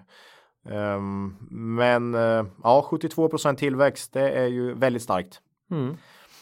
Um, här är 70% av omsättningen faktiskt från reglerade marknader eller marknader som ska regleras. Så uh, det är ju mycket. Uh, då antar jag att man Eventuellt ha med Holland där, jag vet inte. Eh, kanske, nej inte säkert faktiskt. Eh, för det var, det var väl inte riktigt klart när den här, när, den här eh, rapporten släpptes för en vecka sedan. Men Sverige är ju med där i alla fall. Mm. Det var ju inte med i Q4. Ja, vi har ju en fråga om det här i mm. intervjun som folk precis har ja. har hört här så att. Eh... Och Sverige är ju en väldigt liten del faktiskt av Aspire Globals eh, verksamhet. Mm. Man ser ju positivt på den här regleringen. Sportsbook är över 15 då ungefär av eh, B2C så inte jättemycket utan det är mycket kasino här. Eh, Sportsbook var 7% av totala omsättningen under 2018, men då kommer ju bättre gal in här under under slutet på året så att det kanske är 10 någonting. Mm. Jag vet inte 10 15% under 2019 då. Eh, här har man också mål och tydliga lite långsiktiga mål eller midterm mål då, precis som Leo Vegas. Man har mål för 2021 med 200 miljoner euro i omsättning, 16 ebitda. Och eh, precis som Leo faktiskt så motsvarar det en fördubbling av intäkterna på tre år. Så det är ju snabbväxare här. Eller åtminstone de har det som målsättning. Mm. Eh, ebitda förväntar man sig då ska sjunka lite från dagens 20% till 16. Det har väl att göra med eh, skatter förmodligen och så antar jag. Eller konkurrens. Jag, jag vet inte. Eh, man har ju en stor kassa här. Eh, man har ju bland annat tagit in en bond. Kommer jag inte på vad det heter. En Obligation. En obligation ja, som man har fått in. Alltså man har ställt ut en obligation. Ja, så man har ju egentligen lånat då pengar eh, faktiskt för att få in i kassan för att kunna göra förvärv. Ja, till 7 ränta. Mm. Det tog han ju själv så snällt upp lite grann att folk ja. kanske förväntar sig att man ska göra någonting om man nu har skaffat sig pengar som bär en kostnad. Hördes ju i intervjun här också mm. då och eh, ja, det, det, det kommer ju. Men man är försiktig och man vill göra rätt och med tanke på vad vi har pratat om i andra bolag här som Betsson hade ju ett par år man förvärvade oerhört mycket och eh, det har, har ju krävts ett, ett rejält eh, liksom tag för att få bukt på hela det här spretiga verksamheten mm. i Betsson och det har man ju fått ihop under 2018 men det har inte varit lätt. Och Leo Vegas är ju där nu kan man säga med stora förvärv som har haft problem under 2018 och Catena Media eh, bygger mycket på förvärv, mm. men man går därifrån lite nu så att jag tycker det är rätt av Spy Global att vara försiktiga. Det är jobbigt dock att man har liksom 7% som tickar på den här eh, på den här skulden då. Mm. Nej, men det känns ju som att Ja, det här är skarpa lirare som har det här bolaget mm, alltså. Mm. Eller framförallt ledare. Mm. Ägarna har vi inte stött på. Men. Eh, så att eh, nej, man går nog hellre ifrån bonden igen eller från obligationen igen än att, att göra ett dåligt förvärv. Mm. Så eh, första förvärvet här vill man nog ska vara kanon. Alltså. Um, ja, vad har vi för värdering här då? P 13 på redovisad vinst för 2018. Och man växer ju fort så det borde ju det borde vara mindre än, eller åtminstone P10 på 2019 mm. med tanke på den här tillväxten man har då. Eh, så säg kanske P10 då. Mm. Det är väl inte orimligt. Eh, direktavkastningen, man delar inte ut jättemycket men 2,5 procent. Man vill väl förvärva här. Det känns ju också konstigt att dela ut om man om man har tagit in lite lån för förvärv här på något sätt. Eh, ja, du har köpt lite grann här sa du. Ja. Jag, jag tycker det känns som det mest intressanta faktiskt. Valet mm. i sektorn eh, om man kollar tillväxt och värdering mm. eh, kopplat samman. Eh, det är ju det här med den korta historiken dock. Ja, det finns ett stort aber här. Mm. Och, och de, an de, andra bolagen har vi ju tio år på här mycket, men eh, här har du ju tre tre, fyra år du, du kan kolla på och många av mina case bygger ju mycket på lång stabil historik som du kan göra trolig liksom kommer hålla i framtiden med. Mm. Nej, vi försöker hitta all möjlig information i historiken och det är ju mycket det med mots och ja, just det. långsiktighet. Kunna se, kan vi ha förtroende? De får göra utfästelser och sen leverera på dem. Mm. Både, ja, kanske ha provat lite förvärv och sett hur det har gått och mm. sådana saker. Vi har ju, här har vi verkligen ingenting. Nej, det var tre, fyra år här då. Lite, lite för kort. Ja, det är, det är lite för, för mig. kort. Men inte omöjligt att man kanske kommer bli ägare här eh, framöver. Det, jag, jag, tycker det är jättespännande bolag, växer fort, låg värdering och nu har vi som sagt träffat ledningen här. Mm. Eh, så det känns jättebra tycker jag. Mm. Eh, men det är väl just den korta historiken som gör att jag inte är ägare i, dagsläget då. Mm. Får se om det blir ändring på det framöver. Ja, nej, det har varit.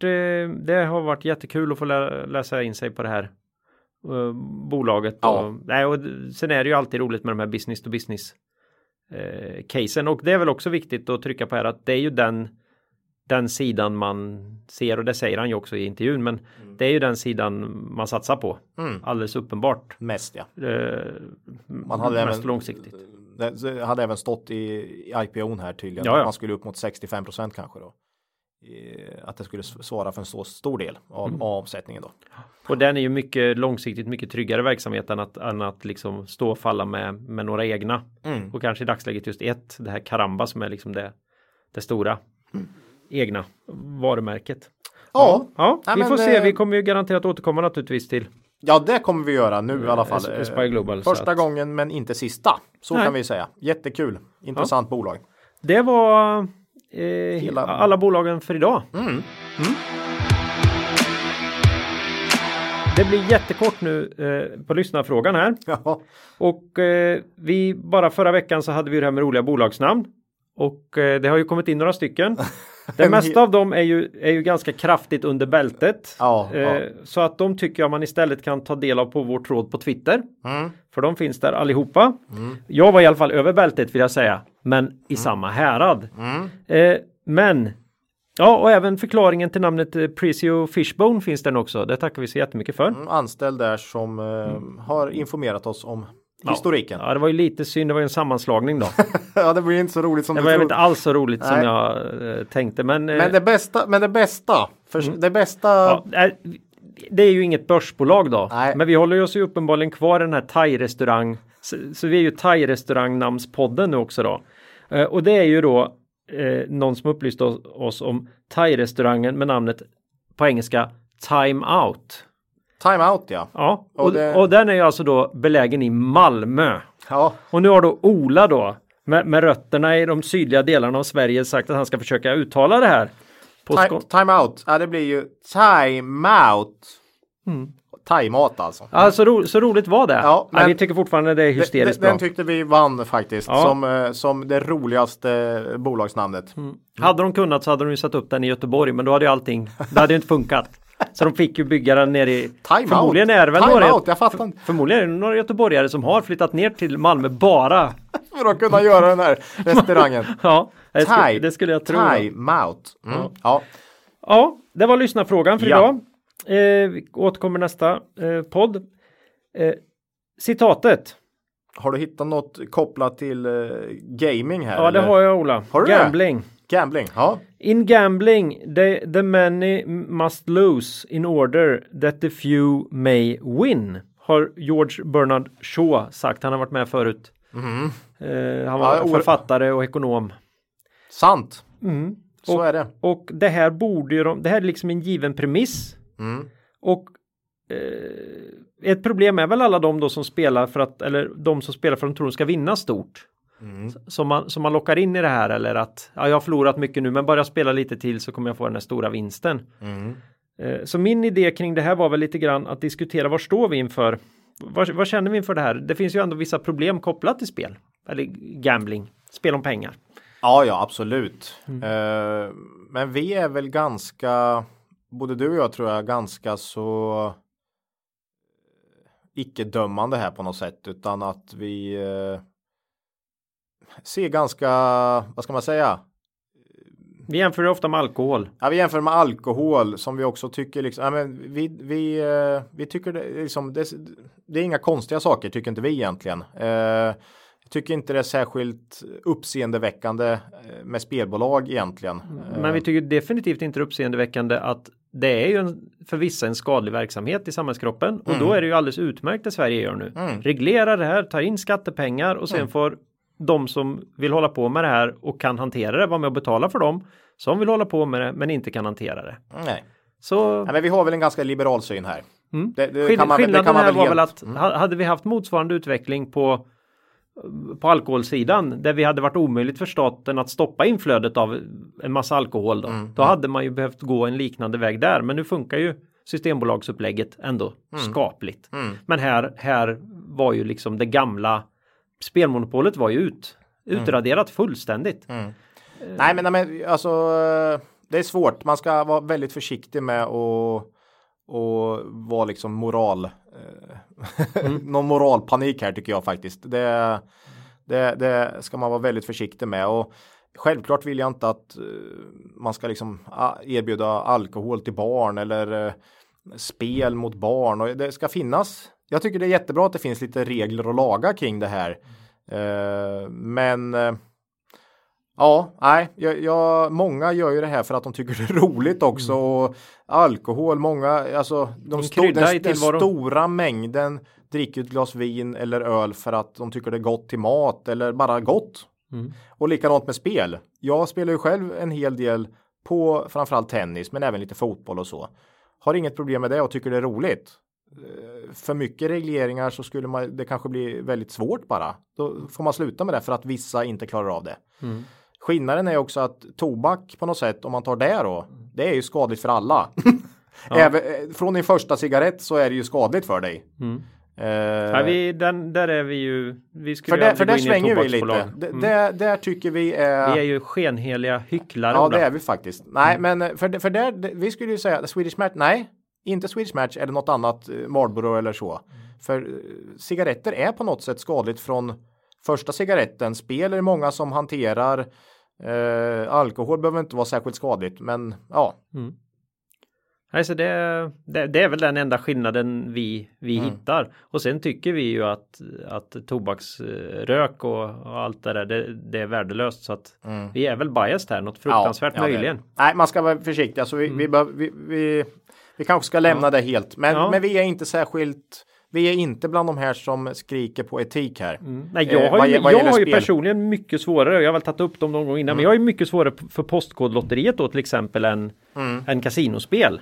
Där, där man då bygger upp hela affärsidén på att folk inte vill hamna i läget att grannen vann och jag hade ingen lott då. Mm. Nu blir det en sån här yra som de får folk att tro uppträder hela tiden fast det naturligtvis är oerhört liten chans herregud. att det ska hända så att Men det säga. gör ju ont i grannarna som Så- inte ja, hörs. det är klart. Det, det är och det, som är, det är hela affärsidén. Och så står folk där med sju lotter och så säger de, det måste ju, jag vet inte vad de där kostar, men det kan ju vara, vad är det 10 000 per år det kostar att ha. Mm. Ja, det vet massa jag inte. Nej, jag vi är inte med här, men det är ju inte Men gratis det kan jag lova. nej, nej. Eh, nej, men eh, summa summarum, vi, vi skriker ju inte på någon moral här egentligen, men och, Och det tar också, Men upp en alla- jäkla alla- massa plats i tv, men det är underhållning då till skillnad Ja. från reklamen då. Så att, Men alla, alla får ju ha sina gränser. Mm. Alla får säga, tycka vad man, eh, vad man tycker är lagom så att Mm. säga. Eller vart man drar sin etiska gräns. ja. Och jag, jag tror, om man frågar oss, skulle vi tycka det vore skönt med aningen mindre spelreklam i tv? Ja, ja! Mm. Eh, verkligen! skulle verkligen uppskatta det, Ja. om det. Om det om det försvann lite. Ja tack! Mm. Eh, samtidigt då så har vi olika regler för hur man får samarbeta med konkurrenter. Mm. Så det ska bli väldigt, väldigt intressant att se. Nu har man nu gått ut och bett dem om att inte bara bli mer måttfulla utan även försöka minska mängden Mhm. reklam. Antalet eh, reklamminuter. Då kan jag ju berätta, då får ni ju göra som man har gjort i de länder som tar det här på lite mer allvar än att bara kallar till sig bolagen. Bestäm Mm. att under vissa tider får det inte vara någon reklam. Precis. Tada! Så blir det inte så mycket reklam. Då blir det inte så mycket reklam, i alla fall inte under den tiden, inte om du blir av med din licens. Nej. Så det är väl ett litet tips. Jag vet inte vilket land är det som har gjort det, England eller är det? Eh, Jag vet inte. Nej. Det, tänk lite längre här, Mm. gå inte ut och, och tramsa för det blir så jäkla, det är bara pinsamt. Sätt ner foten. Ja, så sätt ner foten och bestäm lite grejer som gör att det blir mindre reklam då. Mhm. Men be dem inte att samarbeta när det är olagligt. Nej. Så är det. Det var väl eh, lite, vi försvann iväg från citatet där, men det handlar åtminstone om gambling. Mm. Eh, det har ju varit läge för att avsluta den här eh, podden väldigt, väldigt länge nu. Mm. Eh, ni som sover, det är dags att vakna. eh, för nu eh, ger vi upp. För den här gången. Ja. Nästa avsnitt kommer inte bli lika långt, det kan vi lova. Nej, vi har ju ingen aning vad vi ska göra. N- möjligen några sena rapporter. Mm. Annars blir det nog tomt och innehållslöst. Vi, vi kommer bara sitta här det, kommer och... bli så, det kommer bli så oerhört intressant, men vi vet inte om vad. Okej, det är så. Det var Ja, så det ja. stod i, i, i manus här. Ja, vi hoppas på det. Ni får mejla oss som vanligt om ni vill på kontakt.kvalitetsaktiepodden.se. Vi vet att vi ligger aningen efter där med svar, men det har varit en väldigt eh, intressant rapport och förkylningsperiod skulle jag Ja. vilja säga. Med mera. Med mera. Ni kan kommentera oss på vår hemsida eller kasta in något kul på Twitter. Vi närmar oss ju 4000 där med stormsteg också. Mm, Får vi se om vi kan ha passerat den, det nålsögat till nästa podd då. Ja, Ola, slutligen något riktigt makro värt att ta upp idag? Nej, jag försökte ju med i början här, men det, det, det blev ju inget. Så. Nej, jag, jag tänker inte ta något heller. Nej. Du förstörde ju hela min geist. Ja, ja. Jag var ju äntligen tänkte jag, äntligen. Mm. När då? Var Bara någon slags något slags spel. Mm. Ja, eget ägande. Det... Asvedol är ju det enda vi har pratat Aspire Global. Ja, du har lite Aspire. Aspire mm. Global och Svedol. Ja. Annars är det tomt. Mm. Mm. Ja, så då säger vi hej då för den här gången och kom ihåg. Det är först när tidvattnet drar sig tillbaka som du får se vem som badat naken. Lose money for the firm and I will be understanding. Lose a shred of reputation for the firm and I will be ruthless. I welcome your questions.